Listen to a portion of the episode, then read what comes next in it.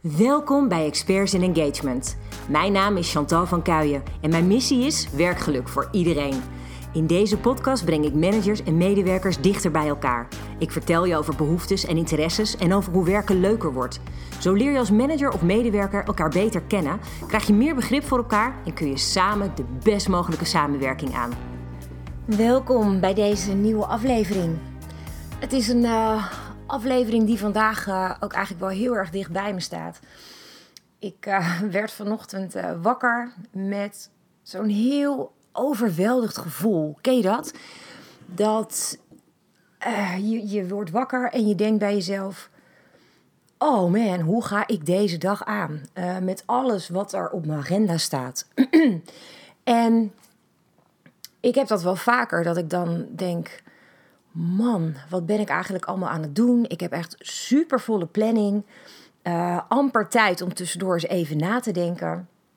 En juist dat zijn ook de dagen dat ik dan een beetje mijn focus verlies. Omdat ik gek genoeg vol stoom afga op het doel wat ik dan op dat moment wil bereiken. Maar ondertussen dus eigenlijk ja, een beetje mezelf verlies. En ik ben heel benieuwd ook of je dat, of je dat herkent. Um, toen ik begon met werken, mijn eerste echte voltijdbaan na mijn afstuderen. Um, heb ik wel eens eerder verteld, toen werkte ik voor een particuliere vastgoedbelegger. Ik was daar 45 uur in de week aanwezig. um, ja, dat bedoel ik ook letterlijk zo, want het was niet alsof het daar nou... Het was, het was, het was wel druk, maar je moest daar natuurlijk ook je tijd gewoon uitzitten vanwege dat klokken wat we daar moesten doen. Dus nou, ik was niet elke minuut van de dag nou oh zo actief. Maar goed, je bent wel 45 uur van je week ben je kwijt aan het daar aanwezig zijn. Um, en het werken natuurlijk. Maar nou ja, goed, dat is allemaal tijd die je dus niet kan besteden aan je eigen leven, aan je vrije tijd. En ik kan me nog wel herinneren dat toen ik net klaar was met mijn studie en ik eigenlijk nog half in het studentenleven zat en ik dan ook ineens die fulltime baan had, dat ik af en toe bij mezelf dacht: hoe dan? Hoe kom ik deze week door? Want ik vond het echt serieus best pittig. Gewoon lange werkdagen. Uh, en dat was dan gewoon elke dag uh, van 9 tot 6. En nou, dat was dan um, voor mij een soort van aanleiding om dan, zodra ik dan klaar was met werk, naar een van mijn vriendinnen of zo toe te gaan. Om dan gewoon lekker samen te gaan eten. En wat gebeurde er dan? Is dat ik eigenlijk mijn hele week uh, overdag natuurlijk gewoon mijn werk had. En dat ik dan s'avonds afsprak met iemand. Um, en dan, nou, je dan super gezellig. En dan ben je gewoon lekker aan het eten. Je doet uh, even nog een drankje daarna. En nou, dan kom je wat later kom je thuis. En dan um, ja, was je eigenlijk alweer nou ja, klaar om te gaan slapen. Want ja, er kwam weer een werkdag aan. En dat heb ik best een tijdje zo volgehouden. Alleen ik merkte op een gegeven moment wel dat het ook wat leeg voelde of zo. En ik kan me zo voorstellen dat als jij nu bijvoorbeeld in je eerste baan zit, dat het best zo kan zijn dat je je af en toe afvraagt: wat ben ik eigenlijk allemaal aan het doen? En vind ik dit eigenlijk wel leuk? Nou, en ik had heel snel het gevoel bij deze werkgever dat ik bepaalde dingen um, gewoon niet zo fijn vond. En alles in mij riep ook dat dit niet mijn plek was. En dat ik echt wel uh, naar iets anders moest gaan kijken wat beter bij me paste. Ik zag wel de waarde ervan in, want ik zag wel hè, wat ik daar allemaal geleerd heb. Dat heeft nog steeds af en toe invloed op hoe ik dingen nu doe. En dat vind ik dan ook weer mega waardevol. Maar wat ik nu interessant vind, um, is dat ik op een hele andere manier kijk naar dingen als werkgeluk. En dat is natuurlijk niet zo gek, weet je. Als je net aan je eerste baan begint, um, ja, misschien weet je dan ook nog niet helemaal wat je wil. Vaak heb je de eerste werkervaringen nodig om scherp te krijgen wat echt heel erg bij je past. En ik had wel eens al gehoord van de piramide van Maslow, hè, met alle basisbehoeften van de mens. En pas nou, sinds ongeveer een jaar ben ik heel, heel bewust bezig met die basisbehoeften van de mens. Met de enige uitbreiding uh, daarop, uh, modern gezien. Hè. Hij is uh, uitgebreid naar zes basisbehoeften inmiddels. Um, maar daar zitten ongelooflijk interessante haakjes aan. Die je inzicht kunnen geven of een baan wel of niet bij je past. Nou, een van de eerste basisbehoeften is bijvoorbeeld zekerheid. En onder zekerheid mag je een aantal dingen verstaan. Het gaat bijvoorbeeld over Hoe zeker ben je uh, van je baan, je contract? Hè? Um, hoe zeker ben jij van een vast inkomen? Um, maar ook hoe zeker ben jij van jezelf in je werk? En dat vind ik vooral een hele interessante. Um, want het gaat namelijk ook over psychologische veiligheid. Het gaat erom in hoeverre kun jij jezelf zijn bij je huidige baas. Dus in je werk, tussen je collega's, bij je leidinggevende. Kun jij zeggen wat je denkt? Kun je eerlijk feedback geven? Uh, kun je een grap maken zonder dat iedereen je aankijkt alsof je echt compleet gestoord bent? Ben je, heb je het gevoel zeg maar, dat je veilig bent? En als ik terugdenk en ik kijk naar mijn eerste baan, dan was dat eigenlijk al de eerste waar ik compleet kapot ging op het feit dat ik me daar absoluut niet veilig voelde.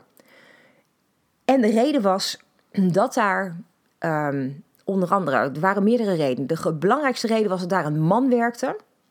En die man die vond het nodig om alle vrouwen onheus te bejegenen. Om het maar even heel netjes te noemen. Je kent vast wel de cliché voorbeelden uit een film een, excuses voor mijn naam, slikken en zo. Ehm, de standaard clichébeelden in zo'n kamertje waar een kopieerapparaat staat en daar, dat dan een collega daar iemand anders in het nauw drijft. Ik heb het letterlijk meegemaakt. En ik kan je vertellen, dat geeft een ongelooflijk rotgevoel. We vonden in die organisatie uh, als vrouwen elkaar, want er waren meerdere dames die er last van hadden. En uiteindelijk heb ik het aangekaart bij de directeur. Uh, was vlak voordat ik vertrok, omdat ik dacht: ja, ik ga nu toch mijn mond open trekken, al is het maar om in ieder geval de andere vrouwen hierin te helpen. Heb achteraf ook begrepen dat deze man de organisatie uit is gegaan via een rechtszaak. Um, maar dat was voor mij een onwijs belangrijk onderdeel om mij niet veilig te voelen. En ja, zekerheid had je daar in die zin wel, want ehm, de eigenaar die betaalde gewoon hartstikke goede salarissen. En uh, als je in principe gewoon deed wat hij wilde dat je deed, dan kon je uh, blijven. Maar dat is ook meteen waar voor mij die zekerheid ook minder belangrijk is geworden als het gaat om het financiële aspect of een contract. Um, ik merkte namelijk dat daar je eigen mening absoluut niet op prijs werd gesteld. Had ik een andere visie, op, uh, in dat geval, ik werkte uh, als HR-adviseur. Um, had ik een eigen visie op hoe je omgaat met medewerkers. dan kwam ik echt van een koude kermis thuis. Dan kon ik gewoon rechtsomkeer terug. Uh, want daar was de eigenaar niet van gediend. Het moest allemaal op zijn manier. Elke punt en komma moest gecheckt worden.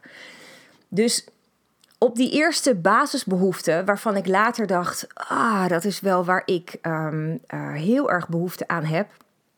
Daar ging die voor mij compleet mank. Dus dat had ik me toen misschien niet zo bewust voor ogen dat dat zo was. Maar als ik er nu op terugkijk, denk ik, ah ja, ja, dat was niet zo fijn. Dat was het gewoon niet, niet, niet mijn ding.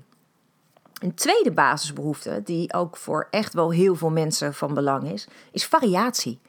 In hoeverre heb jij variatie in je werk? Dat kan zijn in je taken, het kan zijn variatie in samenwerkingen of variatie op uh, werklocaties bijvoorbeeld.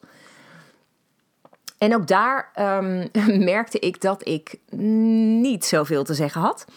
Um, en uh, ja, dat was gewoon allemaal standaard. Ik had elke dag was, ja, het standaard. Het was echt van A tot Z, van 9 tot 6. Gewoon dezelfde taken op mijn bureau. Nou, als ik geluk had, dan had ik één keertje een uitstapje met iets anders. Maar over het algemeen zat ik continu dezelfde dingen te doen. Nou, ik kan je vertellen, dat is niet heel erg energiegevend. Ik dacht op een gegeven moment echt zo, ik ga hier langzaam dood. Um, dus dat is gewoon ook iets. Als je daar behoefte aan hebt aan variatie. Je merkt bijvoorbeeld in je huidige baan dat je dat niet hebt. Ja, dat is gewoon echt killing. Dat, dat, dat hou je dan gewoon niet vol. Dus wees daar eerlijk over naar jezelf. En dan hebben we de derde basisbehoefte, dus waardering. Dat is helemaal zo'n leuke. Um, is ook best een ingewikkelde. Uh, wij in Nederland zijn niet zo van de open waardering uiten ongelooflijk bijzonder vind ik dat. Want het is zo simpel. Gewoon tegen iemand zeggen dat je waardeert of uh, blij bent met wat iemand gedaan heeft. Dan denk ik, jeetje, hoe kan het nou toch zo zijn dat wij als uh, Nederlanders toch altijd dingen als zo vanzelfsprekend zien? Weet je, ik heb iemand, het was letterlijk een keer toen ik ergens op uh, interim opdracht zat. En ik zei tegen die HR-directeur van, joh, hè, misschien moet je eens wat vaker complimentjes uitdelen aan je medewerkers. En dat die man zei, ja, maar daar zijn ze toch gewoon voor aangenomen. Daar hoeven ze toch geen compliment voor te geven.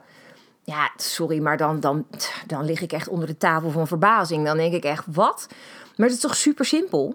Je kan toch gewoon even tegen iemand zeggen van... hey joh, dit heb je echt top gedaan.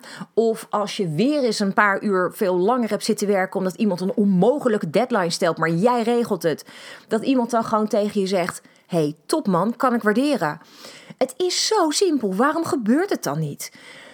En ik vind bij waardering, um, waardeer je als leidinggevende ook de input um, van je medewerker, dus de eigen initiatieven die iemand neemt. Ik vind dat echt te gek. Als mensen op mijn werkvloer initiatieven nemen, oh, dat is echt, daar word ik blij van. Um, dat, dat vind ik te gek. Als mensen zelf dingen zien en durven op te pakken, ja, dan maak je me echt super happy. En ik vind ook dat je daar dus dan waardering voor mag uitspreken, moet uitspreken, serieus. Um, en wat ik heel erg veel zie onder de mensen die op dit moment de arbeidsmarkt uh, opkomen of die net al een aantal jaren aan het werk zijn, um, die mensen die hebben heel erg de neiging, dat herken je misschien wel, om autonomie heel hoog te hebben staan in, in een soort van wensenlijst. En ik snap hem, absoluut. Vrijheid, oh, heerlijk is dat. Um, en die vrijheid die vind ik ook terugkomen in die waardering. Want op het moment dat een, een leidinggevende jou waardeert en vertrouwen heeft in jou, dan kan die jou een stukje, stukje loslaten. En jou ook zelf keuzes laten maken hoe jij je werk bijvoorbeeld aanpakt of indeelt. Ik denk dat daar een ongelooflijk uh, waardevolle kant van je werk kan zitten. En op het moment dat je nu luistert en je denkt: ja, dat heb ik inderdaad helemaal niet. Mijn leidinggevende lijkt helemaal geen vertrouwen te hebben in hoe ik de zaken aanpak. En ik zou het eigenlijk wel liever zo of zo willen doen. Wacht dan echt geen moment en ga gewoon dat gesprek aan. Want uiteindelijk loop je daarop leeg. Als je daar dus niks mee doet, dat is gewoon super zonde. Weet je, je hebt daarin ook zelfzeggenschap. Het is niet zo dat jij ergens gaat werken en dat je maar gewoon alleen keurig alles hebt te doen wat een, um, een, een leidinggevende vindt dat jij moet doen. Je hebt heus wel inspraak in hoe je dingen kan doen, maar dan moet je het wel uitspreken. Ik weet namelijk ook als werkgever, als manager, dat ik ook heel vaak dingen niet hoor van mijn medewerkers. Ja, en sorry, maar als ik het niet hoor, ik kan niet ruiken. Dus het is wel belangrijk dat jij als medewerker ook dingen uitspreekt. En er ook dus vertrouwen in kan hebben dat als je iets tegen mij zegt, dat ik daar iets positiefs mee doe. heb je een eikel van een leidinggevende en die doet het niet, dan is het sowieso tijd om te gaan. Dus dat vind ik ook een hele belangrijke. Dus denk daar eens over na. Voel jij je in je huidige werk gewaardeerd? Dan heb je een vierde basisbehoefte. Die is ook echt wel, nou, is gewoon een soort van menselijk, uh, überhaupt een menselijk fundament. Dat is namelijk de connectie. De connectie die jij aangaat met de collega's om je heen, met je leidinggevende, met de organisatie waarin je werkt. Die connectie is zo ongelooflijk belangrijk. Als je die niet voelt, ja, dan kan je eigenlijk je werk helemaal niet goed doen. Ja, dan kan je misschien nog wel een soort van leuk werk hebben. Maar als je je compleet geïsoleerd voelt van alles en iedereen, heb je dan plezier? Heb je het dan naar je zin? Maar die kans is niet heel groot. Dus als connectie voor jou een hele belangrijke is en uh, je denkt van ja, weet je, ik heb wel alles in mijn privéleven hartstikke gezellig. Ik ga gewoon lekker na mijn werk, ga ik inderdaad met vrienden afspreken. Super gezellig. Um, nou ja, een beetje ingewikkeld tegenwoordig in corona, maar goed. Hè, je kan één op één natuurlijk met iemand afspreken, je gaat lekker eten. Maar al die sociale connectie heb je niet in je werk. En je merkt dat je dat echt mist. Nou ja, bedenk dan dat dat misschien wel een van de pijlers is op basis waarvan je dan in een nieuwe baan je keuze wilt maken. Hè? Voor welke werkgever ga jij kiezen?